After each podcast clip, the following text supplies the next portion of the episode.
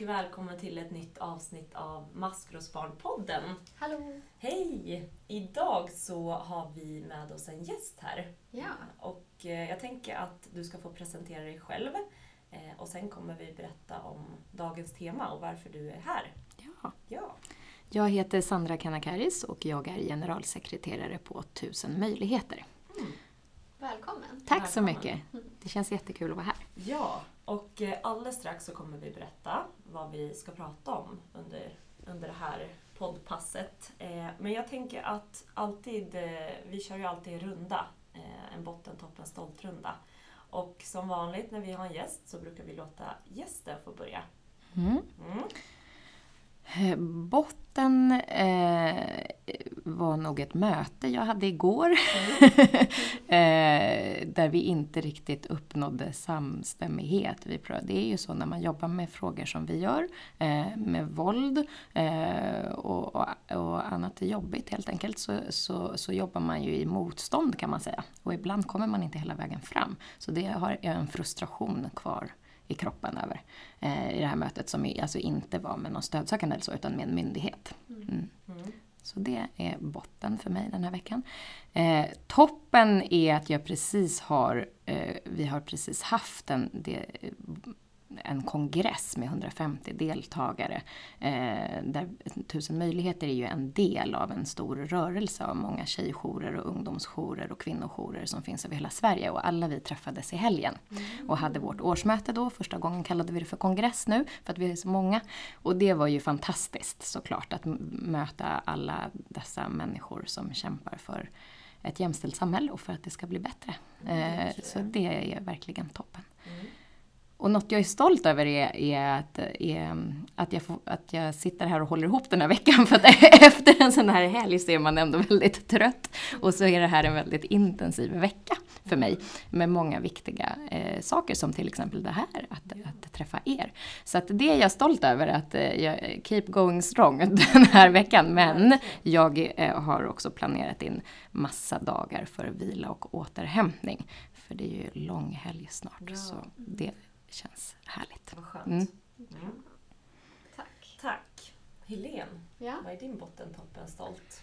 Ehm, min botten är att jag eh, håller på att leta bostad Mm. i Stockholms marknad. Mm. Eh, och den är ganska svår, som säkert jättemånga har upplevt. Och just nu börjar jag bli lite frustrerad. Eh, jag har ju tak över huvudet och Mm. har ett jättebra ställe att bo på. Men jag är sugen på att hitta någonstans, något eget hem. Mm. Så det är lite frustrerande. Eh, Men toppen är att det nu har blivit vår. Just Mm. idag kanske det inte är vår än så länge, men det börjar ju bli mycket varmare och solen tittar fram oftare och det gör mig mycket piggare och gladare. Mm. Eh, Så det känns jättemycket, allt känns mycket lättare bara Mm. helt enkelt. Eh, Och min stolt är... Jag fyllde faktiskt år för inte så länge sedan och eh, har alltid tyckt att det är jobbigt att fylla år Mm. av någon anledning. Ehm, och den här gången tyckte jag också att det blev lite jobbigt men då gjorde jag något annorlunda så jag sa nej till alla planer jag inte kände för och så gjorde jag precis Mm. det jag vill göra och tog det ganska lugnt och eh, tog hand om mig själv mest. Eh, så jag blev väldigt stolt Mm. och glad över att jag klarade av att göra det. Mm. Mm. För min skull. Mm. viktigt. Tack. Verkligen. Tack. Ja, min botten, det är lite inne på det du pratade om, Mm. att det väldigt mycket och det är Mm. så mycket jag vill hinna med. Både på jobbet men också hemma. Mm. Eh, Det blir vår, man vill börja Mm. hålla på ute och fixa och greja. Eh, Och tiden räcker inte alltid till Nej. till det. Eh, Så det är min botten. Min toppen det är också att solen börjar titta fram. För nu Mm. börjar mina växter må bättre efter den här långa vintern. Så de, ja, hoppet var ute där ett tag men nu börjar de må bättre. Så det känns toppen. Och stolt är jag över att vi ju faktiskt var på en sån här höghöjdsbana med, med vår ungdomsgård. Och eh, att jag tog mig upp de här 18 metrarna och, Mm. och klättrade. Du var så modig. Mm. Ja, det var... Det, var- låter läskigt. Ja, det var läskigt. Så det är jag ändå stolt över att jag Ja. vågade testa. Jag vet inte om jag skulle göra det igen, men nu har jag testat. Tack! Tack. Tack. Men hörni, jag tänker att vi ska prata lite om eh, vad, vad dagens tema är och Mm. varför du är här och gästar oss. Mm. Vill du berätta lite vad det är ni jobbar med? Mm. Vi jobbar ju eh, med eh, unga. Mm. Eh, Alla unga upp till eh, 25 är välkomna och hör av sig till oss oavsett kön och könsidentitet.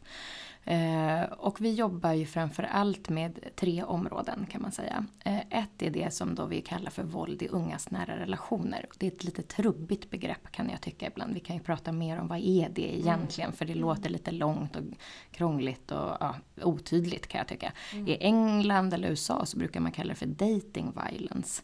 Det är lite tydligare men vi har ju inte heller riktigt den här dating kulturen som man kanske känner igen från amerikanska romcoms och så. Ehm, så vi har inget bra begrepp men ja, helt enkelt den man är tillsammans med eller den man, man hänger med eller den man tycker om. eh, att den gör saker mot en som, som inte är okej. Mm. Och det kan vara massa olika saker eh, som vi ska prata mer om. Och sen jobbar vi med unga i prostitution och människohandel. Alltså att man eh, säljer sex eller har sex mot ersättning. Eh, det behöver inte bara vara pengar, det kan vara saker eller någonstans att bo eh, och, så. Eh, och, eller också det som vi ibland kallar för sex som självskadebeteende. Att eh, man eh, istället för att till exempel skära sig eller något annat typ av självskadebeteende så har man så blir man utsatt av andra för väldigt våldsamt eh, sex eller sex som man inte alls mår bra av. Och då är det ju inte ens egentligen sex som vi brukar säga utan det är ju ett övergrepp. Mm. Ja.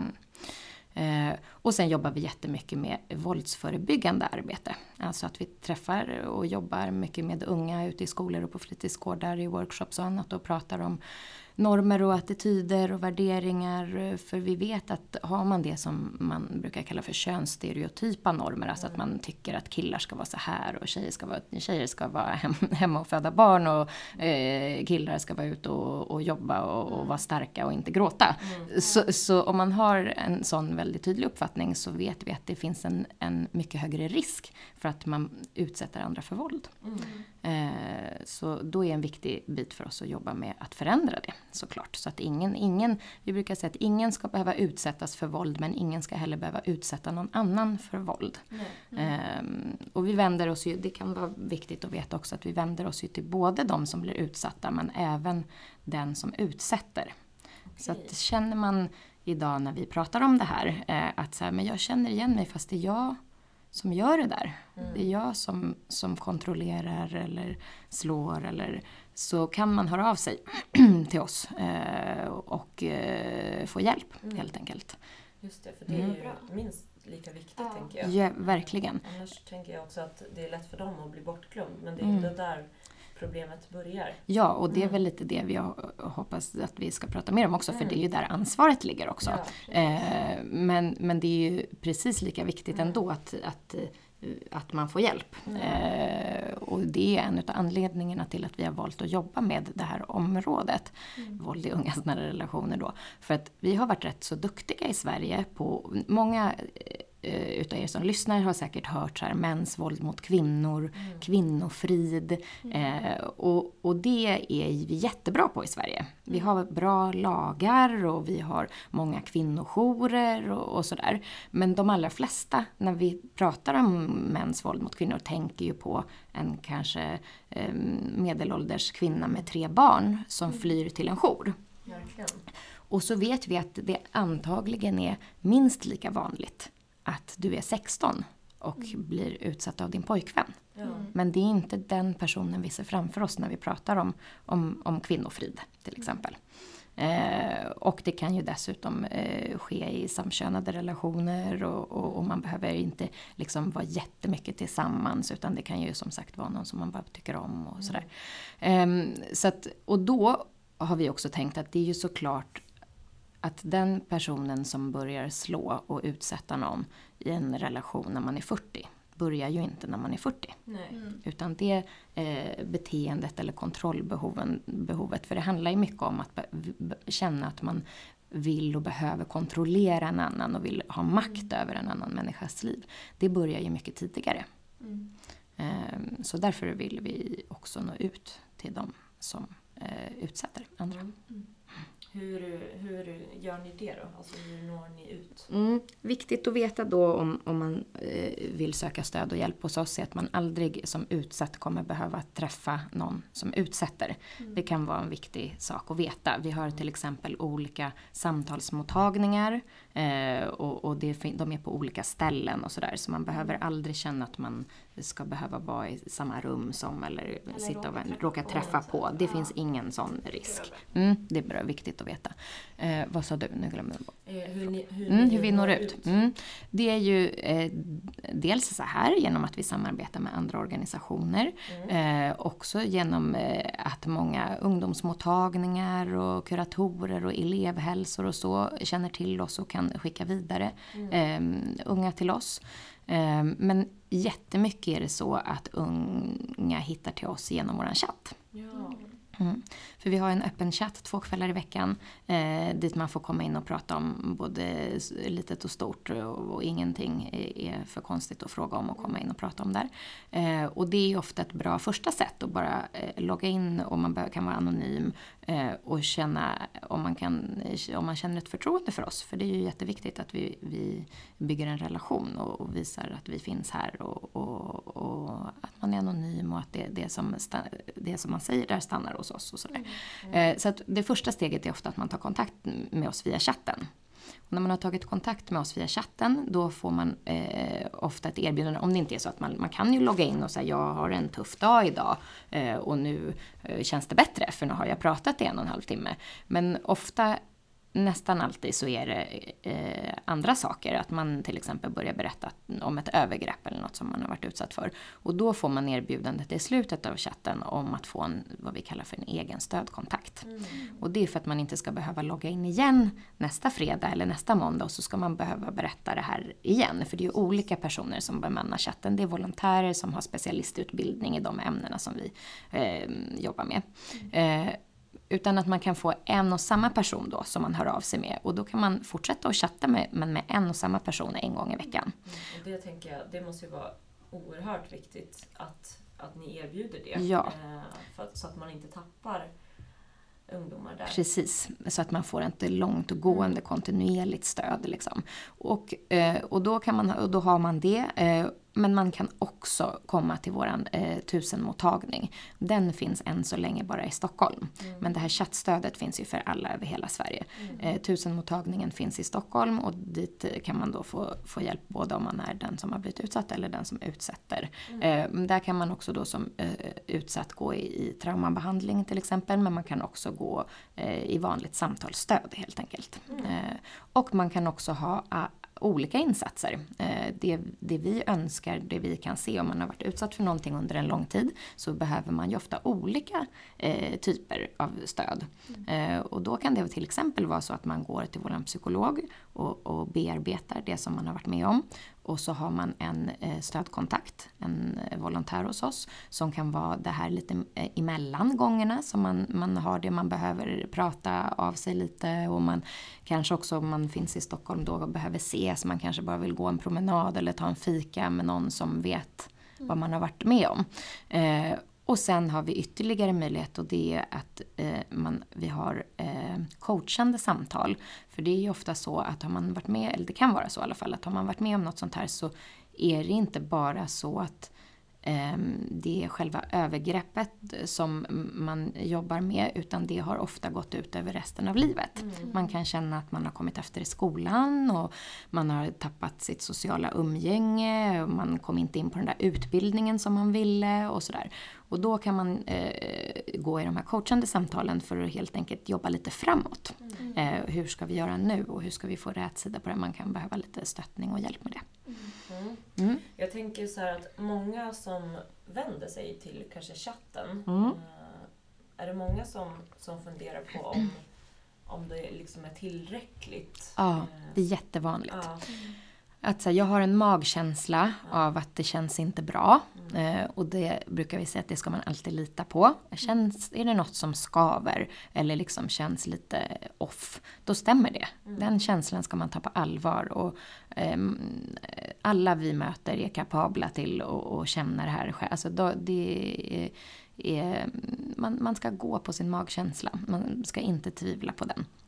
Och så hör man av sig och så frågar man just, men det här är det verkligen, det var ju bara så att han knuffade mig en gång. Ehm, och, och så i och för sig så har han också sms, har han så att han smsar mig eh, var femte minut för att kolla vad jag är ibland när jag träffar en kompis. Så jag får i och för sig inte träffa min bästa kompis så mycket som jag skulle vilja och sådär. Ehm, och då brukar vi ju prata just om det här att det finns vi säger ju att allt det här är våld. Och det kan ju låta lite konstigt. att man tycker att så här, men han har ju inte slagit mig. Och nu säger jag ofta han. För det är, ju eh, det vanligaste scenariet. Men det betyder inte att det inte är precis lika allvarligt om det skulle vara hon eller hen. Eh, så. Det, det, det, och, och vi möter alla typer av konstellationer. Eh, Men oavsett en pa- partner brukar vi säga ibland också, men inte alla som känner igen sig i det begreppet heller. Men den man helt enkelt har en när, närmare relation till, en, in, en intimare relation till. Ehm, och då tycker man kanske att det här inte är så farligt, men vi menar att det här är våld och det finns olika typer av våld. Och då finns det ju det som de allra flesta förknippar med våld, fysiskt våld. Alltså örfilar, knuffar, allvarligt våld, alltså slag mot huvudet. Allt som är fysiskt, eh, det är ofta det vi är enklast att se framför oss. Eh, men sen så finns det också psykiskt våld. Eh, och det är ju ofta mycket svårare att sätta ord på och, och, och ta på. Vi har inte i liksom offentligheten sett det lika mycket. Eh, vi, vi blir ju matade med bilder av fysiskt våld. Men inte lika mycket med psykiskt våld. Och psykiskt våld kan ju liksom vara allt ifrån hot eh, om att eh, om du inte gör det här så kommer det här och det här hända. Så kommer jag berätta för dina föräldrar att du är eh, gay eh, och att vi har en relation till exempel. Det är en typ av psykiskt våld. Eh, eller jag kommer eh, göra dina småsyskon illa eh, om du inte ställer upp på att ha sex med mig till exempel. Eller jag har massa bilder på dig som vi kanske tog visserligen frivilligt. eh, För att vi är i en relation tillsammans och jag, vi tyckte att det skulle vara mysigt att ha bilder på varandra. Eller så har man redan då känt sig tvingad att ställa upp på det här, så kan det också vara. Eh, och så finns de här bilderna i vilket fall oavsett hur de kom till. Eh, och då kan hotet vara att om du inte gör det här som jag vill nu så kommer jag skicka dem till alla dina kompisar eller Som sprida dem. dem. Mm, sprida dem på skolan eller lägga ut dem på sociala medier eller sådär. Det är också psykiskt våld. Eh, men psykiskt våld är också att ständigt, ständigt få höra att man är dum i huvudet, värdelös, eh, inte fattar någonting. Eh, att det är här som, man, man kan ju ha försökt säga jag tycker inte att det här är okej. Eh, Så som vi beter oss mot varandra. Jag tycker det känns inte bra när du skriker åt mig. Och då kan man få att det, du är helt hysterisk och du bara överdriver. Det här stämmer inte, det här är ditt huvud. Eh, du är helt sjuk i Man huvudet. ställer till med drama själv. Ja, det här är, det är du som gör. Det är en jättevanlig grej att man får, det är du som gör att jag blir så här mot dig. Det är du som får mig att slå dig eller att våldta dig eller att bli så här arg. Jag vill inte det egentligen. Jag vill vara världens bästa eh, flickvän eller pojkvän till dig men du får mig göra de här hemska sakerna mot dig. Och då är det ju jättevanligt då att man känner så här, ja det är nog mitt fel. Är jag, om jag bara kan lugna ner mig lite, om jag kan bli lite bättre på att liksom läsa av hens signaler eh, och vet att gud idag hade hen haft en jättetuff dag, jag borde inte ha tagit, dragit upp det här nu, gud vad dumt av mig. Men det är aldrig ditt fel. Ett, ett, ett beteende som är som det vi har pratat om nu är bara den personens eget ansvar. Det spelar liksom ingen roll vad du har gjort eller provocerat fram eller hur den här personen eh, än kallar det för. Så är det liksom det här ansvaret är aldrig ditt. Nej, och jag tänker också att när man hör så här utifrån Mm. så är det nog lätt att tänka att men så, så skulle det inte bli för mig. Mm. Men jag tror att det är väldigt, väldigt lätt att hamna Mm. där. Mm. Att man blir manipulerad eller tar på sig skulden eller känner Ja. precis så som du säger. Det är en jätteviktig poäng för eh, ofta så, en så klassisk fråga som man alltid har fått det är så här, varför går hon inte? Då har man ofta Mm. pratat hon, men vi kan ju säga varför går hen inte? Eh, och vi menar ju att det är snarare tvärtom. Att så här, oj, eh, varför går personen? För det är så oerhört svårt att göra det. Det krävs mycket eh, för att göra Och varför gör det då? Jo, för att det är väldigt, väldigt sällan en sån här relation börjar med att någon slår en. För då skulle kanske de, om det var det första gången ni sågs och så fick man en örfil och, och, och, då, då skulle, mm. då är det kanske lite troligare att man säger nej men nej, det här var ju jättekonstigt.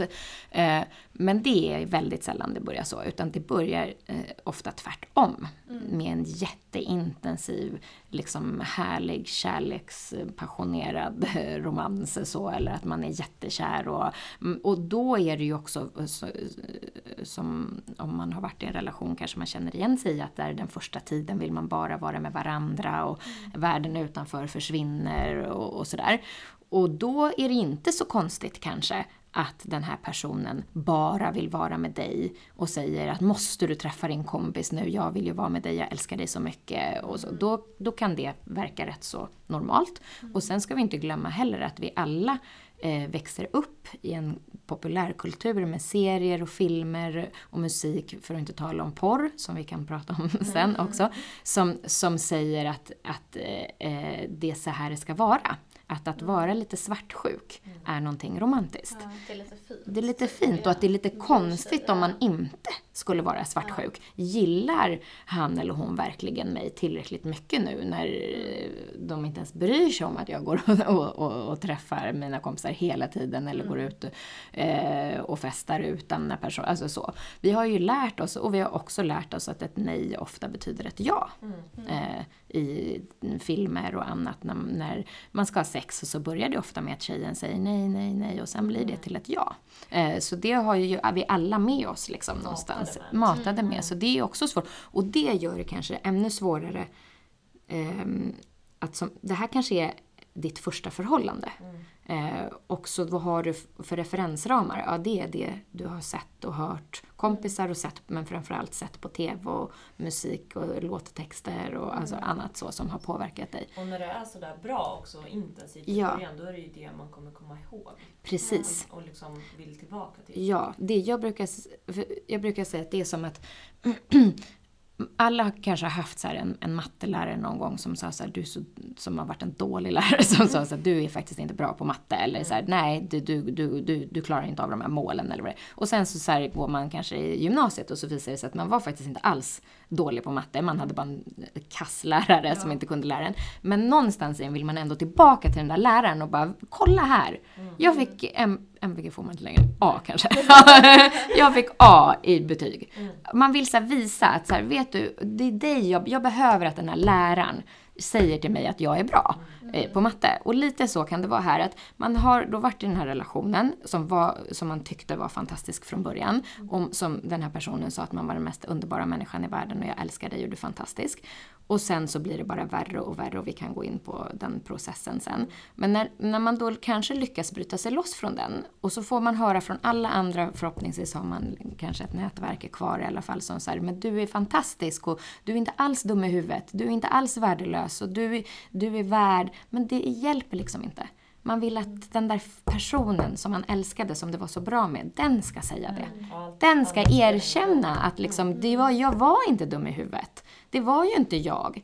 Och där, där, är, det ju jätte, där, där är det jätteviktigt att, det finns, att man får hjälp och stöd i att liksom, det där var inte bra och du behöver inte den personens eh, kvitto eller bekräftelse på att du eh, är bra. Mm. Och där får man och det, ni har ju pratat om självkänsla och, ja. och, annat tidigare och det är knepiga saker liksom. Och det här förstör ju mycket en del Verkligen. utav självkänslan. Det blir år av arbete att jobba upp Ja, för det, det, det är så, att få höra det av någon, mm. det är därför vi ofta generellt sett i samhället pratar om det här som något annat, mm. som något speciellt. Det är därför, det är ju jättehemskt med allt våld.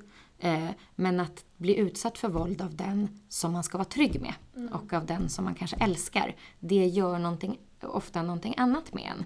Mm. Eh, där, man ska liksom, där man räknar med att få vara trygg och slappna av och få vara sig själv, så blir det den farligaste eller mest utsatta platsen. Eh, Men det som kan hända är ju just att det börjar sådär gulligt och, och, och bra och, och sen så kanske personen helt plötsligt har åsikter om vad du ska ha på dig för kläder. Och det kanske börjar med, jag tycker du är så fin i i eh, heltäckande kläder eller i långa kjolar eh, eller mm, linnen som, eller, eller vad heter det, långärmade tröjor istället för linnen och alltså, så som inte visar så mycket muskler eller hud eller vad det nu kan vara. Eh, och först kan ju det liksom, åh du är intresserad av vad, jag, av vad gulligt att du tycker att jag är fin i, i de här kläderna. Och sen så blir det mer och mer tydligt att säga nej du får inte ha dem. Jag förstår inte varför ska du ha de där kläderna. Jag tycker det betyder mer för mig att betyder det då mer för dig vad någon annan tycker eller vad du själv tycker? In- Värdesätter inte du mina känslor? Det är ändå jag som är din pojkvän eller flickvän eller vad det nu är. Um, och sen så det här med varför ska du åka och träffa den och den? Bryr du dig inte om mig? Och, och sådär. Det kan ju också bli så att man också börjar till exempel, och det är också en typ av psykiskt våld, att hota med att ta livet av sig. Eh, när man kanske försöker göra slut på den här relationen. Jag kommer aldrig klara, jag kommer ta livet av mig om du lämnar mig, du kan inte lämna mig, då, då tar jag livet. Det är ju också ett hot. Eh, men sen att det också blir den här enorma eh, kontrollen som blir svår att kom, komma ifrån. Och det ska vi inte heller glömma, att det är väldigt sällan bara dåligt sen. Mm. Utan det är vad vi brukar kalla med att liksom man växlar mellan varmt och kallt. Eh, och det blir ju väldigt effektivt. För att då ibland skymtar ju den där personen fram som man träffade i början. Och då vill man ha mer Då vill man ha mer av den. Och så tänker man att det här var bara tillfälligt. Och nu har personen lovat att det här ska aldrig hända igen. Och det som ofta händer också är att första gången, även om det har gått ett par eh, månader eller vad det nu är, eller några veckor, så, så kanske det händer att man blir tvingad till att ha någon form av sex som man inte vill, alltså ett övergrepp då. Eller tjatsex som vi, vi kan kalla det för, alltså att man, man vill inte, man har sagt att man inte vill men, men personen ger sig inte och till slut så går man med på det. En sån eh, situation eller att någon, man knuffas in i väggen, eh, det man har börjat bråka och så helt plötsligt så blir det fysiskt. Då är det inte helt ovanligt att man faktiskt hör av sig till en kompis. Eller någon första gången det händer. Och bara, jag vet inte riktigt vad som hände. Alltså det här är helt sjukt och det här hände och jag vet inte vad var. Och så kanske kompisen säger så här, men gud, det låter helt sjukt. Det där, du kan inte vara kvar i den här relationen. Du måste göra slut. Ja. Eh, och så tänker man så här, ja men jag ska göra slut. Jag ska, och sen så ringer personen och är superdupergullig och lovar att det här ska aldrig hända mer. Eh, och så går man tillbaka. Och andra gången det händer då, då skäms man ofta lite för mycket för att ringa till samma kompis. Ja. För att man inte Och så, för man gjorde ju inte det och kompisen sa ju så, du måste göra slut. Alltså det här är helt sjukt. Och man var ju själv så här, ja det här är nej och jag förstår, det är sant, jag borde nog och sådär. Man kanske också försöker försvara, för man älskar alltså den här personen, nej men han menade inte och så här, det här var bara en engångsgrej och jag litar på henne eller vad det nu är så. Eh, så när det händer igen, då känner man sig dum eh, och man skäms. Och man tänker att så här, gud jag borde ha fattat, eh, min kompis hade ju rätt. Så då ringer man kanske inte den kompisen. Man kanske ringer en annan kompis, men till slut är de, finns det kanske inte så många kvar. Eh, och då blir man ju det som vi brukar kalla för då lite isolerad. För man, har inte, man, man, man skäms för mycket för, för att ta upp det här med de här kompisarna. Eh, och det kan också, inte helt ovanligt, att eh, den här som partnern som man är tillsammans med är ofta inte så förtjust i att man har väldigt starka band med sin familj. Så har man ett fun- en, en non-fungerande familjerelation eh, så har den ofta liksom, eh, dragits ner. Alltså man har så här inte träffat eh, sin syster jättemycket på sistone för att det har varit hela det här, måste du träffa henne? Eh, Varför vill du inte heller träffa Men mig? skulle det i i princip kunna vara ett tecken Mm. på att man kanske tappar de det, mm, det är ett viktigt tecken att, liksom, man, man, att man inte liksom får umgås med sin familj i så stor utsträckning som man vill. Eller den, det kan behöver ju inte vara blodsbandsfamilj utan Nej. de som man anser vara sin familj. Mm. Eh, eller li- liksom ens bästa kompisar eller närmast. Det, det är ett jätteviktigt tecken att hålla koll på. Mm. Och samma sak det här kontrollerande behovet av att... Eh, för vi, vi pratade ju om, om eh, fysiskt våld och psykiskt våld. Eh, och sen så brukar vi prata om digitalt våld också. Mhm. Mm. Och det är ju egentligen en typ av psykiskt våld. Eh, men det kan ju vara allt ifrån det här som vi sa om att skicka bild, alltså det är ju digitalt, alltså att man sprider det på sociala medier och så. Det kan också vara att man eh, tar över personers sociala mediekonton. Eh, att man, och det behöver inte ens vara så här, jag tar din telefon i smyg. Mm. Eh, utan det kan också vara så här, jag vill att du ger mig alla lösenord till dina konton och till dina eh, e-mailkonton och dina alla sociala medier. För du litar, litar inte du på mig? Mm. Det är ett bevis på att vi älskar varandra. Mm. Att du har det förtroendet för mig, att du låter mig ha helt fri tillgång till dina eh, konton. Och då är, kan det vara svårt att säga nej. Jag eh. tänker att det också kan vara någonting som gör att man blir isolerad för att man kanske slutar skriva. Precis, man vågar inte längre. Ja. Så, här, ja, men om, så länge jag inte skriver något så ja. finns det inget han eller hon eller hen kan Precis. hitta där. Precis. Mm. Och vi har många exempel också på att man till exempel får, okej okay, du får ha kvar det men då får du rensa ut alla om man till exempel är ett heterosexuellt mm. förhållande och man är en tjej som blir utsatt. Du får rensa ut alla dina killkompisar då. Då kan du mm. få ha kvar dina ja. sociala medier till exempel. Men digitalt våld är ju också att aldrig eh, få eh, lägga bort telefonen till exempel. För att man begär rapportering eh, eh, varje kvart. Mm. När jag ringer dig då ska du svara. När jag smsar dig så ska du höra av dig. Jag vill veta vad du är, jag vill veta vad du gör. Och gör du inte det så kommer det hända saker efteråt. Alltså att det finns ett förtäckt hot eller ibland väldigt uttalat att om du inte gör det här då vet du vad som händer när du kommer hem. Då våldtar jag dig. Eller då, då slår jag dig eller då kommer det hända grejer. Då blir det som förra gången. Eller alltså det, det kan vara så förtäckt eh, hot. Och det kan också vara att man antingen i smyg eller helt öppet har så här, jag vill eh, installera Find My Friends eh, eller någon annan så här, positioneringsapp på din telefon. Mm. För jag vill veta, jag bryr mig om det, jag är orolig för dig, jag vill veta vad du är hela tiden. Tänk när du går hem sent på kvällen, så kan det vara. Eller så är det bara helt öppet så här, mm. jag vill veta vad du är. Mm. För du ska inte hålla på och, och, och, ljuga för mig om vad du är. Så nu, och du har gjort det tre gånger så nu vill jag att vi installerar den här appen. Det är också en typ av digitalt våld. Mm. Att inte få ha liksom, sin privacy. Man har absolut ingen skyldighet att ge någon. Det är inte ett bevis på att man älskar varandra att man ska ge varandra sina lösenord till sina mm. konton. Eh, men när man, och det kan låta konstigt utifrån, men när man är i den här typen av relation så gör man liksom det mesta man kan. Då låter det rimligt. Då låter det liksom. rimligt. Och att man, bara man gör det här så kanske det lugnar ner sig och det blir bättre och, och så. Och att, ja. Jag tänker också på allt som du har sagt innan mm. också, att det byggs upp under en lång tid. Mm. Man har fått höra kanske att man är dålig, mm. man får lä lägre självkänsla och Precis. självbild och kanske mm. tänker att man är lika värd och så skäms man och mm. skuld för man tänker att det är ens eget fel.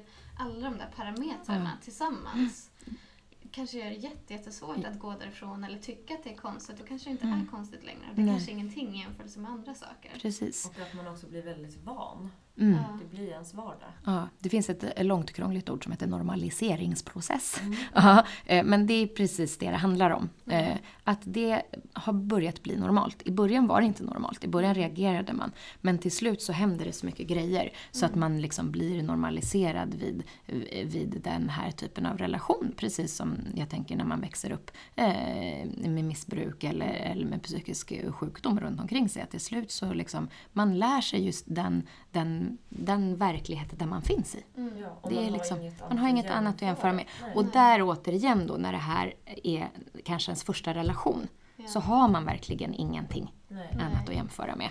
Uh, och då är det jättesvårt. Och, och, och, ja, och, då, och så dessutom så kanske man till slut tar mod till sig uh, mm. och berättar för någon.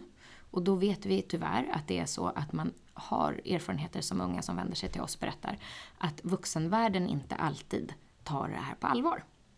Och det finns jättemånga bra vuxna, verkligen. Men, men det kan också vara så att första gången man signalerar det här. Mm. Så för det finns en bild av att så här, men unga och de är så kär, oj oj oj. Mm. Det är upp och ner och mycket känslor och stormigt och det kommer man ju ihåg hur det var.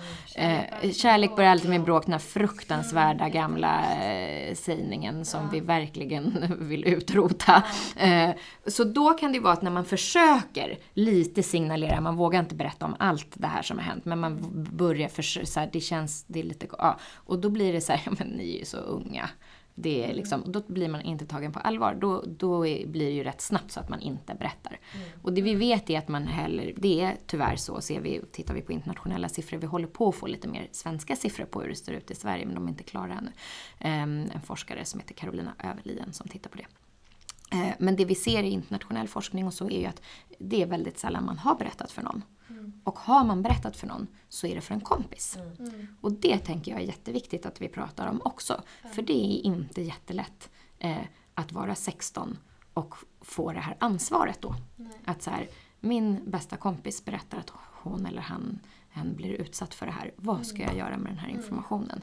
Då behöver den någonstans bli den ja. vuxna och det Precis. Och det, det är jättesvårt att ja, ta ansvaret. Verkligen. Vad kan man göra då? då? Men då, dels så är det viktigt, vi, vi stöttar även kompisar. Så att man, är, att man behöver inte bara, bara men man behöver inte vara utsatt eller utsätta någon annan för att vända sig till oss. Utan det går lika bra att, höra av sig och, och mm. jag är orolig för min kompis. Eller min kompis berättar det här, vad ska jag göra? Men, och då brukar, och så att man själv också får ett stöd i, i det här.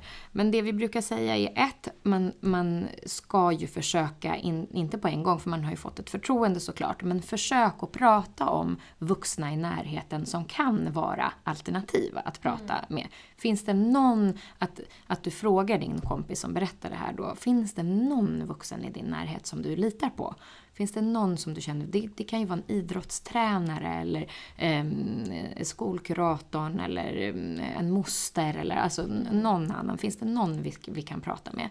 Eh, och två, att försöka finnas kvar som kompis men alltså också alltid komma ihåg att så här, det här ska ju inte eh, liksom göra så att du går under som kompis. Men, mm. men att för det kan vara rätt vanligt då, om vi tar den här situationen som vi pratade om, att man hör av sig den här första gången och berättar. Mm. Och, så säger, och då att stå kvar, att signalera att så här, okej, okay, nu går hen tillbaka. Och jag tycker att det är åt helvete, för så känner man ju ofta som kompis. Varför ska personen gå tillbaka och vara med den här? Det känns ju helt orimligt. Mm. Men att förklara då, så här, jag tycker det här känns inte bra. Jag ser uh, vad hen gör med dig. Att mm. sätta ord på det.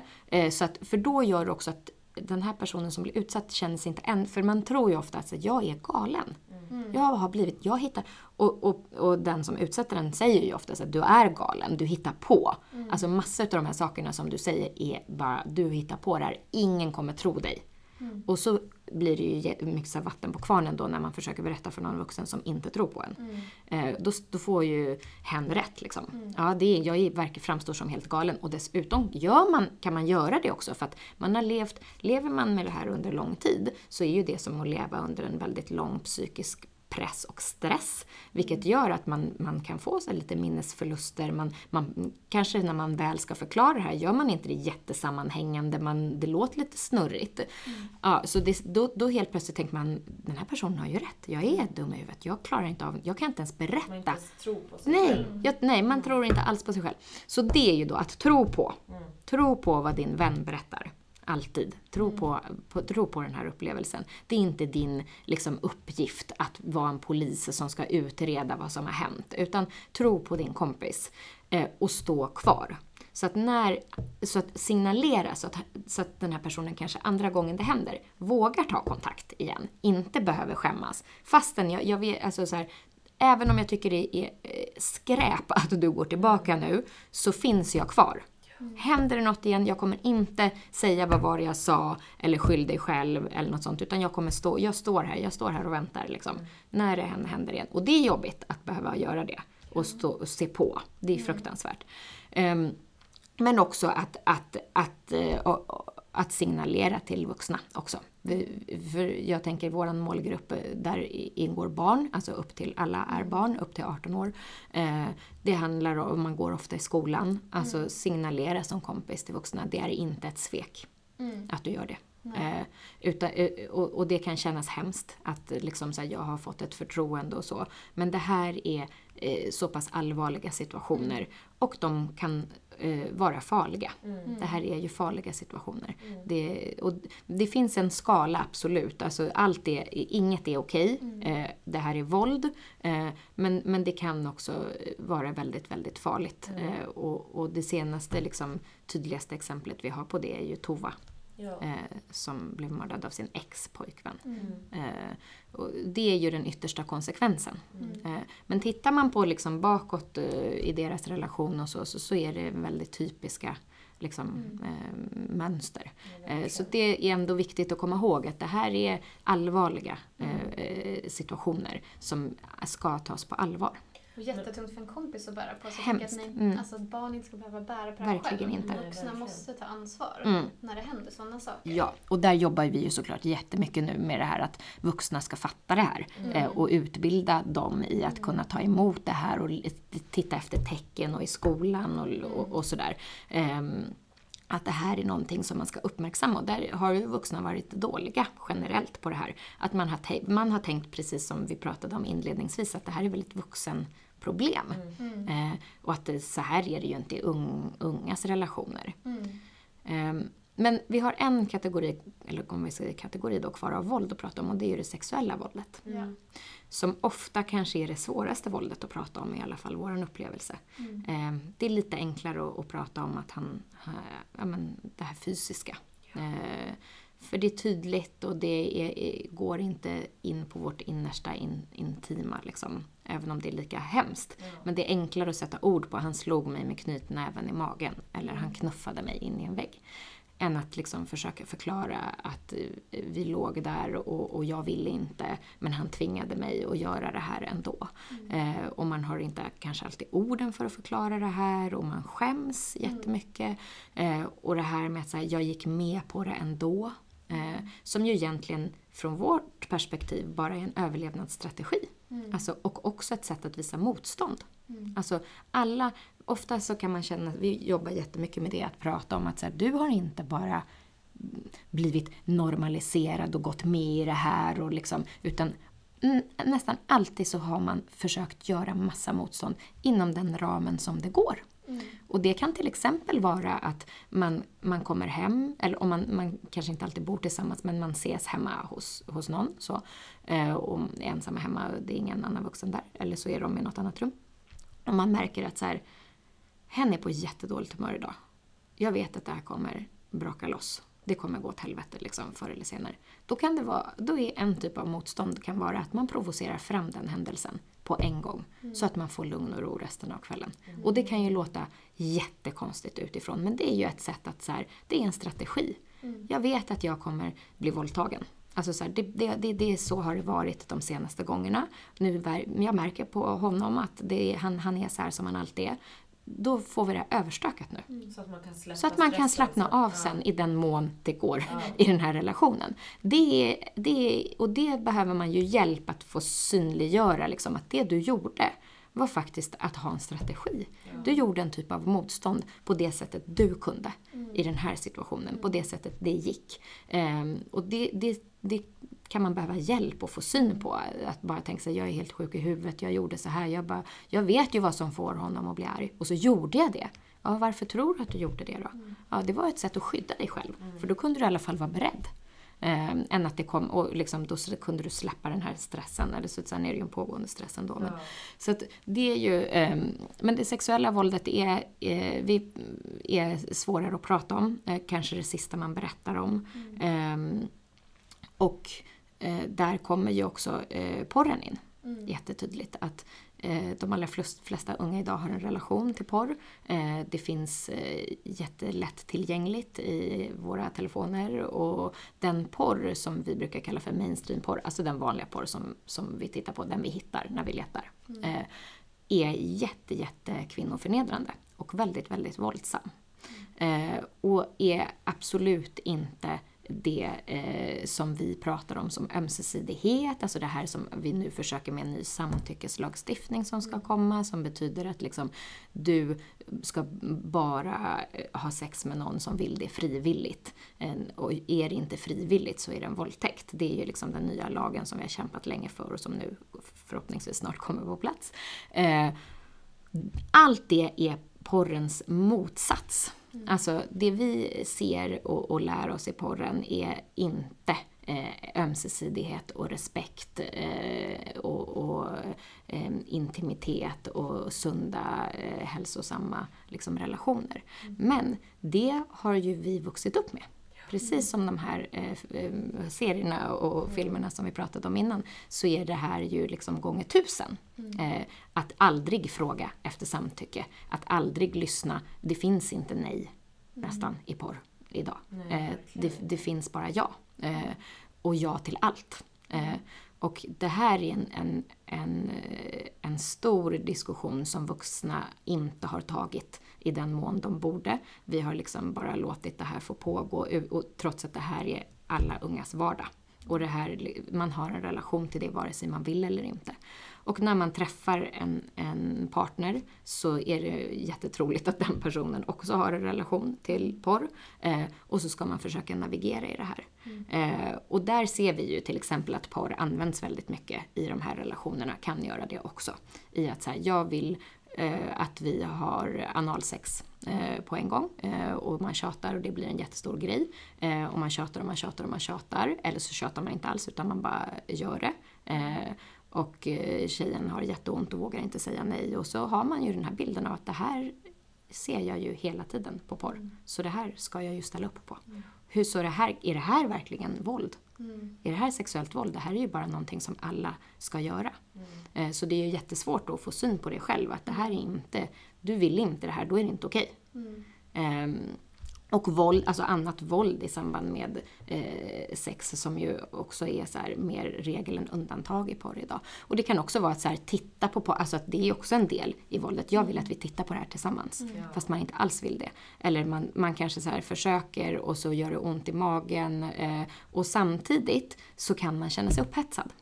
Och det är ju inte konstigt för vi har ju liksom begreppet groomade, alltså ni vet, vi har blivit ingroomade i det här. Eftersom vi, för oss, alltså så här, och för ännu yngre så har ju den här porren funnits tillgänglig sedan de var rätt så små. Eh, så att det här är ju så som, som det här är den sexualundervisning som man har fått idag som ung. Eh, så att det är inte heller, då kommer ytterligare en så här, gud nu skäms jag för att jag går ju igång på att hon blir slag. Alltså, jag vill inte bli utsatt för det där, men nu sitter vi här och tittar på det och så känner jag att jag kanske är lite upphetsad. Men det är inte alls konstigt, för så fungerar våra kroppar. Och det är också jättevanligt att man tar upp det som, det är en jättesvår sak att prata om. Att så här, han våldtog mig, eh, men jag var ju blöt. Mm. Då måste jag ju ha, men det är kroppens försvarsmekanism. Mm. Så att du ska göra lite mindre ont. Att du ska få lite, lite mindre skador av det som sker. Och det är ju en så jättesvår sak att prata om. Men Jag tror inte att det är många alls som vet det heller. Nej. Nej. Att det är så. Men jag tänker när vi pratar om övergrepp. Mm. ehm, för ibland kan ju också ett övergrepp börja som sex Mm. men övergå i ett övergrepp. Precis. Eller hur? Man eller kan- att det är andra saker som Ja. inte är penetrerande sex. Precis. Som också är övergrepp. Ja. Man kan ju dels ha kommit överens om att så här, eh, man alltså så här, ja, vi, eller man hånglar och det känns bra. Mm. Eh, och man börjar ta på varandra och det känns fortfarande bra. Och sen helt plötsligt så gör det inte det. Mm.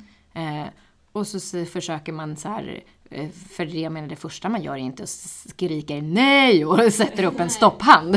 För det är inte en sån situation. Mm. Utan man så här, kanske så flyttar en hand och säger nej eller jag vet inte, vänta lite eller så. Och så blir man inte lyssnad på. Mm.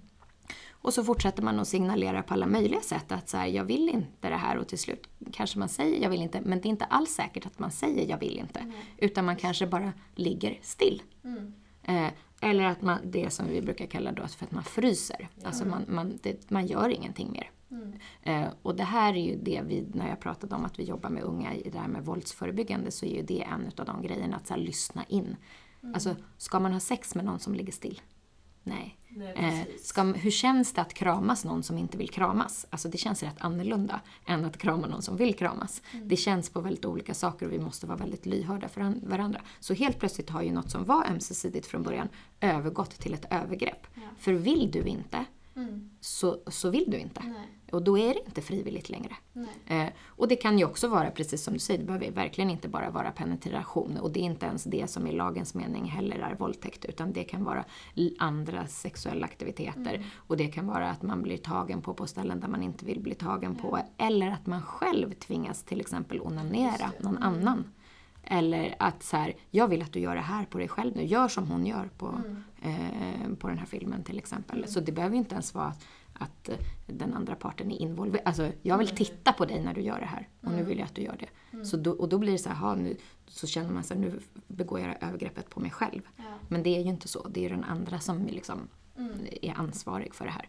Så att det behöver, och det kan verkligen, och så här, det finns aldrig en linjär, alltså det finns inte en rak så här, nu har jag sagt ja, nu gäller det jat hela tiden. Nej. Nej. Och det är ju en av de svåra sakerna med, med det här med våld i relation. Mm. Att så här, det finns en bild av att nu är vi tillsammans. Mm. Då har vi fri tillgång till varandras kroppar. Ja. Och så är det ju inte.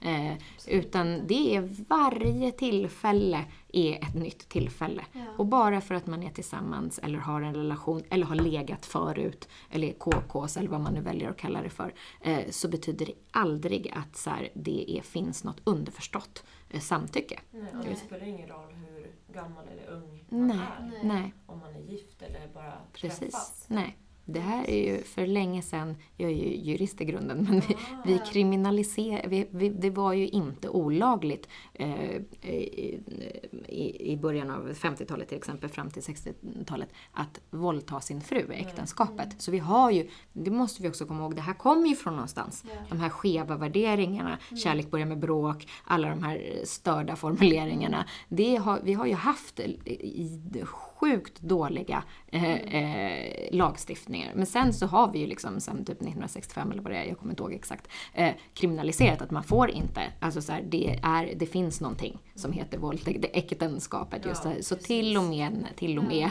när man är gift så är det aldrig Mm. eh, okej. Eh, det finns inget så här, ehm, eh, förväntat eh, samtycke. Man har inte rätt till varandra. har rätt till någon annans kropp. Nej.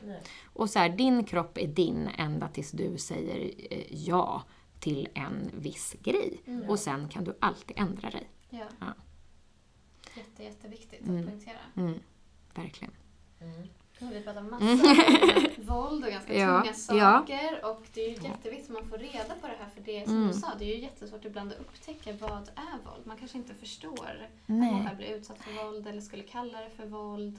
Men allt som inte känns bra hos en Ja, ska man ju flagga för och verkligen. våga berätta. Hitta Mm. någon som man vågar berätta för. Ja. Och det här med magkänslan att liksom när du är i nytt, en ny relation och så ändå är det någonting som skaver lite. Mm. Eh, hör av dig till oss eller prata med någon som du litar på och bara lyft det. Mm. Att säga, jag vet inte, det här känns eh, inte bra. Mm. För då är det ofta inte bra. Nej. Och vi var ju lite inne på Mm. det här med att eh, om, en, om man berättar för en kompis Mm. eh, och så kanske man slutar göra det. Mm. Jag tänker så här, de som inte berättar Ja. och så misstänker man att sin Mm. kompis har det så. Mm. Hur kan man göra då? Hur kan man ta upp det? Mm. Man kan ju, eh, jag, jag tycker man ska ta upp det om man orkar. Mm. Alltså så. Eh, det, det är att vara en bra kompis. Mm. Eh, men man ska vara beredd på att man kommer nog inte eh, ses som den härliga, eh, roliga kompisen. Nej, Nej. utan du kommer ju känna dig rätt så jobbig och du kommer antagligen inte vara välkommet. Nej. Eh, så att, eh, det är ju att man är beredd på den reaktionen men vet med sig inom sig att det här gör jag ju för att jag bryr mig om den här personen. Det här är liksom att vara en bra kompis är faktiskt att, att eh, säga rakt upp och ner att jag ser att eh, hen liksom har ett visst sätt mot dig som inte är okej.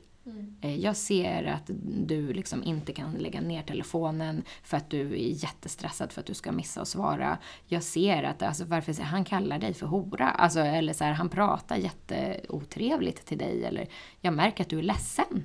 Mm. Sen ni blev tillsammans så, så är du inte som vanligt. Nej. Alltså, du, du, du kommer aldrig på simträningen längre. Varför då? Alltså, eh, och och jag, jag, det har ju hänt sen ni blev tillsammans. Alltså att, att faktiskt här, peka ut det.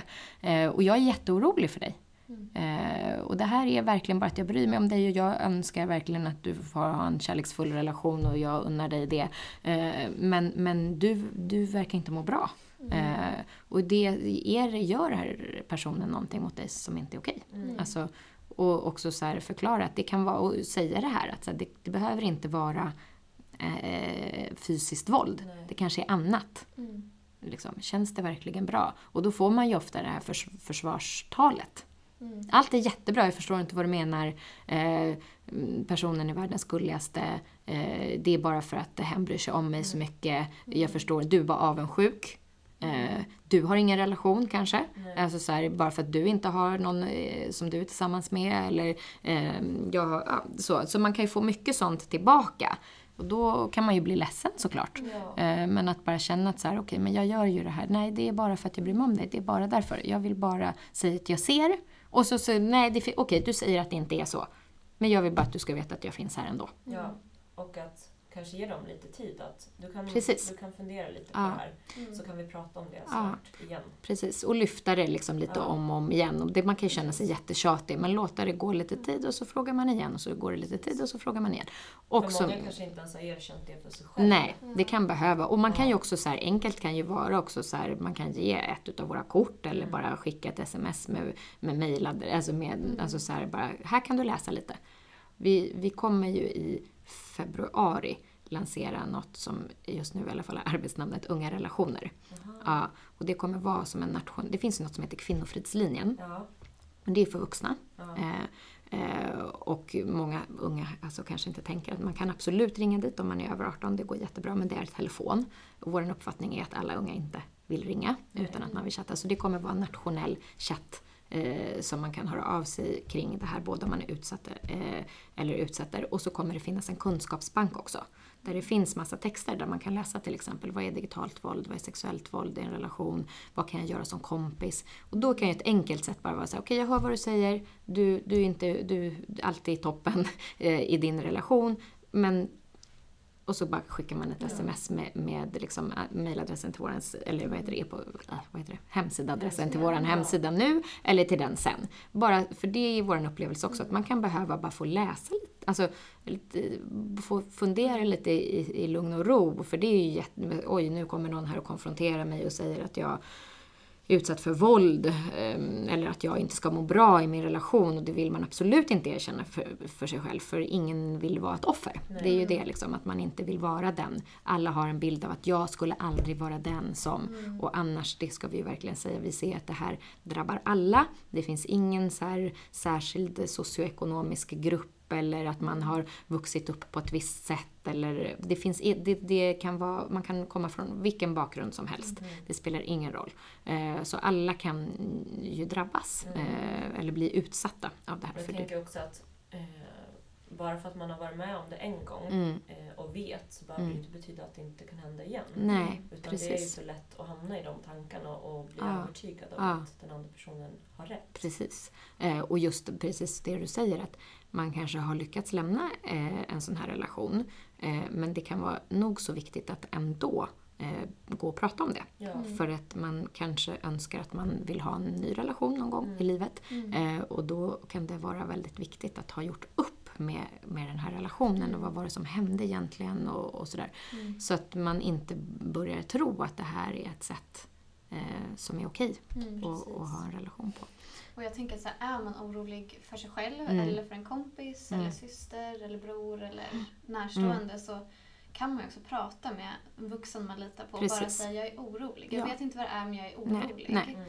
Och där återigen, man ska inte behöva ha det här som Nej. ung på sina axlar och det är inte att svika sin kompis. Eh, att, att, eh, antingen har man fått veta det här från sin kompis eller så har man in, och då, går det också, då ska man också berätta för någon vuxen. Mm. Eller precis som du säger, man bara har en känsla, man misstänker. Ja. Det, och då kan man, man det finns inget så här, då måste du först säga till din kompis. Nej, du kan också gå och säga Mm. till en vuxen. Ja. Eh, och, och, och förklara, jag är orolig, jag vet inte vad det är, men mm, precis som vi sa, så här, sen, sen hen blev tillsammans med den här personen så känns det som att det har hänt. Men en viktig grej som man ofta glömmer är att här, generellt när man pratar om uts- utsatthet så pratar vi nästan alltid om att så här, och så är det ju, alla har någon kompis som, eh, det här det är så vanligt. Eh, och det är viktigt att komma ihåg, det här är inget jätte så här, oj oj oj vad ovanligt, tyvärr. Utan det här är väldigt vanligt och det finns sannolikt någon som är utsatt i, i din vänskapskrets. Men vi glömmer nästan alltid att säga att det är nästan alltid så att du även har någon som utsätter i din vänskapskrets. Och kanske särskilt då när vi tittar på det här att om du som, vi umgås ju tyvärr fortfarande väldigt könsseparerat. Eh, och är du kille och har ett killkompisgäng så finns det en stor sannolikhet att du har någon där som utsätter någon annan. Eh, och det här gäller ju också såklart för tjejer och, och, och icke-binära och så. Men, men, men det är en större eh, sannolikhet i alla fall om du är kille. Och där, det pratar vi inte så ofta om, för vad gör du då? Om du är kompis eh, och ser att du har en kompis som nog utsätter någon. Mm. Det är ju en, kanske ännu svårare att eh, konfrontera. Mm. Att säga, jag ser, men det är nog så viktigt. Mm. Eh, att faktiskt eh, göra det, att säga, berätta vad du ser. Mm. Eh, och, och där kan ni ju kanske behöva ta stöd av varandra. Om ni är flera, om du inte vill göra det själv. Att så här, vi, s- för man ser ju, jag ser hur du pratar med din flickvän. Det, låter, alltså, det är inte okej. Nej. Du kallar henne för det här och det här. Eller du, så här, du, varför håller du på att smsa henne hela tiden? Låt henne vara. Alltså, vad är det du, alltså att det finns varningstecken. Eller så, här, så som du pratar om henne är inte okej.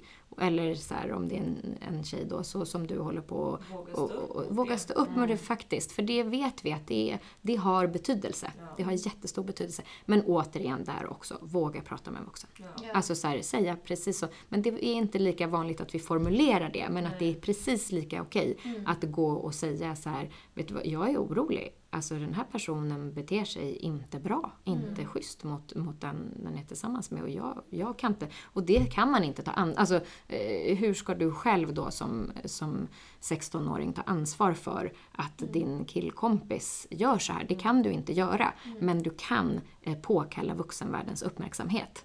Jag är orolig, jag vet inte vad som händer i den här relationen men det känns inte bra. Mm. Vi var ju inne lite på att, vad man kan få för, Mm. för hjälp. Mm. Eh, Men hur ser det ut om man vänder sig till er Mm.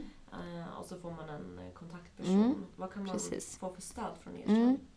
Då eh, kan man ju antingen då att man har eh, den här stödpersonen som man chattar med och det kan man få göra under väldigt lång tid. Vi har ingen sån här begränsning Nej. på så här 10-10 samtal och sen är det slut. Däremot gör vi nästan alltid så efter 10 gånger att vi checkar av. Hur känns det? Så att man inte ska köra fast. Det är så här, hur känns det? Nu har vi pratat i 10 gånger. Hur känns det? Har vi missat något? Är det något vi ska liksom fokusera mer på? Och sådär. Eh, men det är ju liksom stödkontakten då över chatt. Ehm, på mottagningen så går man ju då eh, i behandlande samtal eh, och får stöd att bearbeta det som man har varit utsatt för. Eh, Och eh, sen kan man också gå i samtal då och få, få hjälp med om man då är den som utsätter eh, sitt beteende.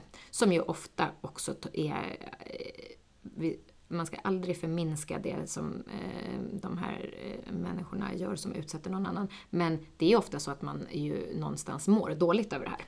Att så här, det tar ju jättemycket tid och energi att kontrollera någon 24 timmar om dygnet. Det, är liksom, det går ut över, över ditt liv och det är en, en väldig frustration att känna att du behöver ha makt över en annan människa. Det är ju inte en härlig känsla. Även om man kan bli maktfullkomlig och eh, liksom eh, så. Men så det är ju att man får hjälp att, att reda i Ja. det såklart. Ehm, Men och sen så som sagt, finns man någon annanstans i Sverige eh, än i Stockholm och inte kan komma till vår eh, tusenmottagning så hör av dig ändå. Så får du dels det här stöd, stödet via, via chatten och en kontinuerlig stödkontakt och sen hjälper vi från mottagningen eh, dig att hitta någon annan du kan prata med och få gå i samtal med där du finns. Det är Alltså, jättebra, för ja. det kan ju vara riktigt svårt att veta Jättesvårt. hur och vart Ja. Och där det ju till exempel finns andra jourer, jourer fin, både tjej och ungdomsjourer och kvinnojourer som finns över hela Sverige, som ju är experter på det här. Eh, och som finns på olika orter. Och då kan vi sätta i kontakt samman med personer som vi vet är bra. Mm. Så tveka inte att höra av er även om ni inte finns i Sverige. Eller i Sverige. Ja, man kan höra av sig även om man inte finns i Sverige så försöker vi. Vi har haft några sådana. Ja. Alltså där man kanske är från Sverige men man befinner sig eh, någon annanstans. Så. Ja. Men om man inte finns i Stockholm så hör av er ändå. Mm. Just det. Eh, och sen, vi pratade lite om det i början. Mm. Det här med sex mot ersättning Mm, och eh, sex som självskada. Mm. Ni jobbar ju också med det. Precis, det gör vi. Eh, och det, ehm, där har vi också ehm, en chatt som kommer starta upp eh, snart igen som eh, har varit igång, till, den har bara haft en liten paus, som eh, är specifikt för unga eh, som har sex mot ersättning eller sex som självskadebeteende. Eh, och där har vi också specialistkompetens eh, kompetens på mottagningen eh, Eh, för att gå i samtal kring det här. Men där är det ju ofta så att chatten är ett bra en bra ingång. Man kan absolut komma in på vår vanliga chatt mm. också och prata, alltså alla, har den, alla volontärer har den kompetensen. Men då får man sen eh, specialistkompetens och bemötande kring det på mottagningen och det är samma där. Om man nu inte finns i Stockholm så lö, försöker vi lösa det mm. i den mån det går. Eh, viktigt, om vi bara ska säga någonting kort om det, är ju återigen att komma ihåg att det är inte du som gör någonting fel. Mm. Eh, det kan vara ja, det är svårt i båda de här situationerna, men, men när man har sex som självskadebeteende så mm. finns det ju någon typ av så att man känner att det är ju jag som söker upp ja. Mm. förövarna, alltså den som faktiskt gör mig illa. Och och, precis, att det är jag, så jag gör ju det här mot mig själv. Mm. Men så är det inte. Det här är, är, ju någon annan som gör mot dig och du behöver, det är inte du, ditt fel, det är inte ditt ansvar, det är inte din skuld, din mm. skam. Utan det här, varken eh, att sälja sex eller ha sex som självskadebeteende skulle aldrig finnas om det inte fanns en efterfrågan Nej. från framförallt vuxna män eh, att göra så här mot mm. unga. Eh, och det är ju jätteviktigt att komma ihåg och det pratar vi också jättemycket om mm. i, i de samtalen. Vi har också grupp man kan gå i. Eh, och det gäller för, för, för allt det vi har pratat om idag, att man kan ja. få gå i grupp och träffa mm. andra som har varit med om samma saker och det är ju ofta väldigt bra och stärkande och, och skönt att få se att det finns andra i samma situation.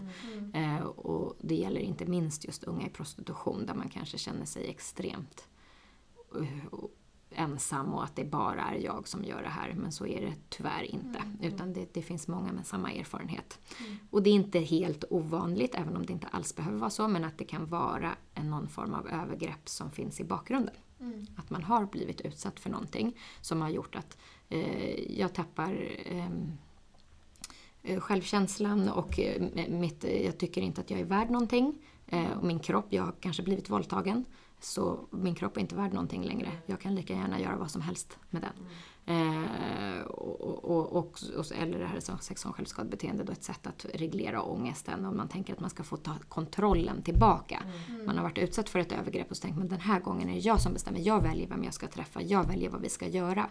Eh, och antingen så minskar ångesten lite i alla fall när man bestämmer mötet och sen så får man ännu mer ångest efteråt och det kan se lite olika ut. Men, mm. men det är ju precis som med annat självskadebeteende ofta en så här ångest, alltså ett, ett sätt att reglera och då behöver man få hjälp att hitta andra sätt mm. att göra det här på.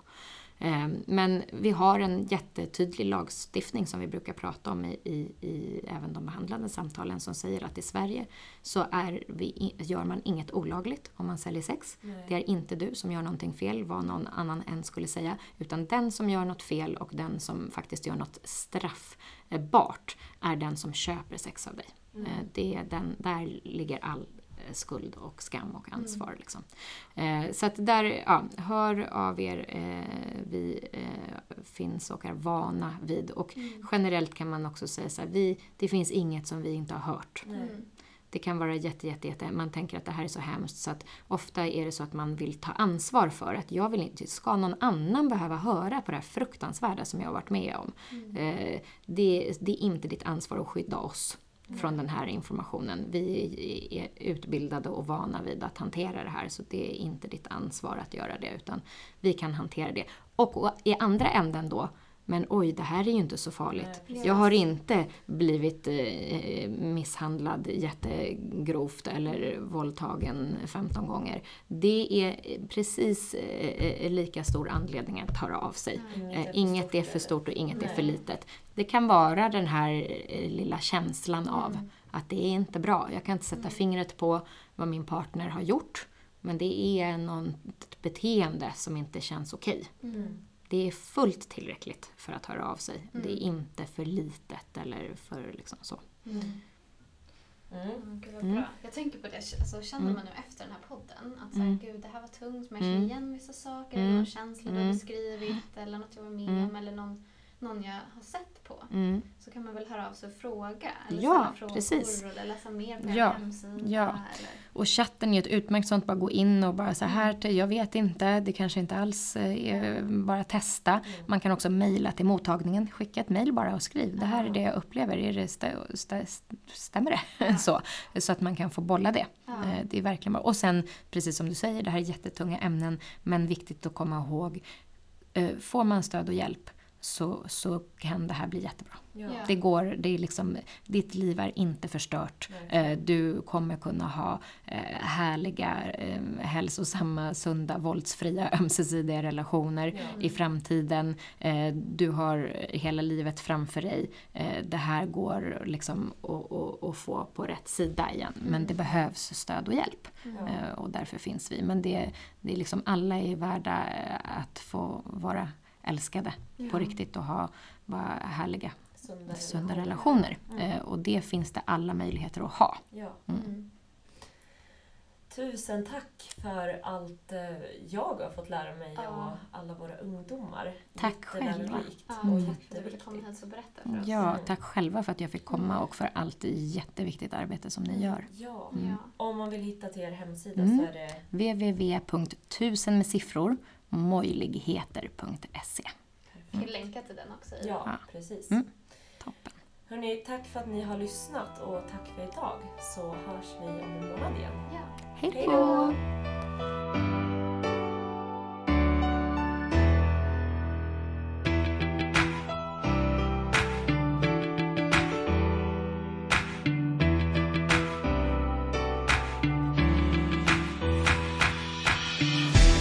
Klättra så högt som du vill. Det är ditt liv, ingen annan säger till. Sikta mot toppen, dit du vill nå. Fortsätt att kämpa, du vet att det går. Du kan klättra så högt som du vill. Det är ditt liv, ingen annan säger till. Sikta mot toppen, dit du vill nå. Fortsätt att kämpa, du vet att det går. Det finns så mycket skit händer hela tiden Men vi är skapta för att överleva livet. En svår uppväxt med rädsla och hat Men vi var för små för att kunna slå tillbaks. Gått igenom smärta och tårar dag för dag Men vi lever än idag för vi är maskrosbarn. Vi kämpar för att kunna ta oss vidare. Vi är starka, tillsammans är vi krigare. Vi borde inte skämmas, vi ska vara stolta. För det finns folk som inte fattar hur vi orkar. Vi ska kämpa, vi ska klara. För maskrosbarn är vi födda till att vara. Ett maskrosbarn slutar aldrig kämpa. De försöker fast de kan få vänta. För det är det som gör oss starka och unika. Enskilda individer olika men ändå lika. Du kan klättra så högt som du vill. Det är ditt liv, ingen annan säger till. Sikta mot toppen, dit du vill nå. Fortsätt att kämpa, du vet att det går. Du kan klättra så högt som du vill. Det är ditt liv, ingen annan ser till. Sikta mot toppen, dit du vill nå. Fortsätt att kämpa, du vet att det går. Jag vet att det känns tufft, försök att blicka fram. Finns ju för att kunna ta hand om varann. Känner liknande känslor om hur kärlek blev hat När dagarna blev tunga bestod av skrik och prat om det är en tröst har vi gått i samma spår. Även som det känns som ingen annan förstår Måste vrida in och ut. På det som är ditt liv Tänka efter vad du vill så du i hjärtat känner frid. Skapa dig en framtid, du är värd att må bra. Kolla på Therese och vad hon blivit idag. Hon har varit som du, legat i botten på ett hav. Men kämpade sig upp och skapade maskrosbarn Hennes ord är så sanna, precis som hon sa. Även om man mått väldigt dåligt kan man må väldigt bra. Vi vet att du klarar, vi vet att du kan. Det är aldrig för sent, bara greppa någons hand. Du kan klättra så högt som du vill. Det är ditt liv, ingen annan säger till. Sikta mot toppen, dit du vill nå. Fortsätt att kämpa, du vet att det går. Du kan klättra så högt som du vill. Det är ditt liv, ingen annan säger till. Sikta mot toppen, dit du vill nå. Fortsätt att kämpa, du vet att det går.